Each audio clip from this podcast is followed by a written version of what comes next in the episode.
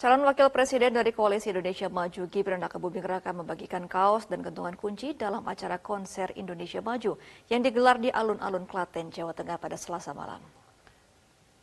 IN salam dua jari itu artinya damai, peace, victory. Semuanya bisa damai.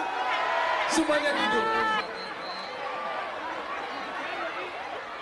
Gibran diundang untuk hadir dalam kegiatan ngaji dan nyanyi bertajuk Konser Indonesia Maju yang diprakarsai oleh pimpinan Pondok Pesantren Ora Aji Yogyakarta, Miftah Maulana Habibur Rahman atau Gus Miftah.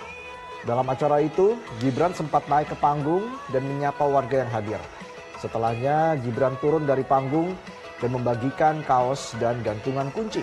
Sementara itu, Gus Miftah menjelaskan pengajian itu hanya kegiatan yang digelar oleh Ponpes yang dipimpinnya dan tidak ada kaitannya dengan kampanye Pilpres.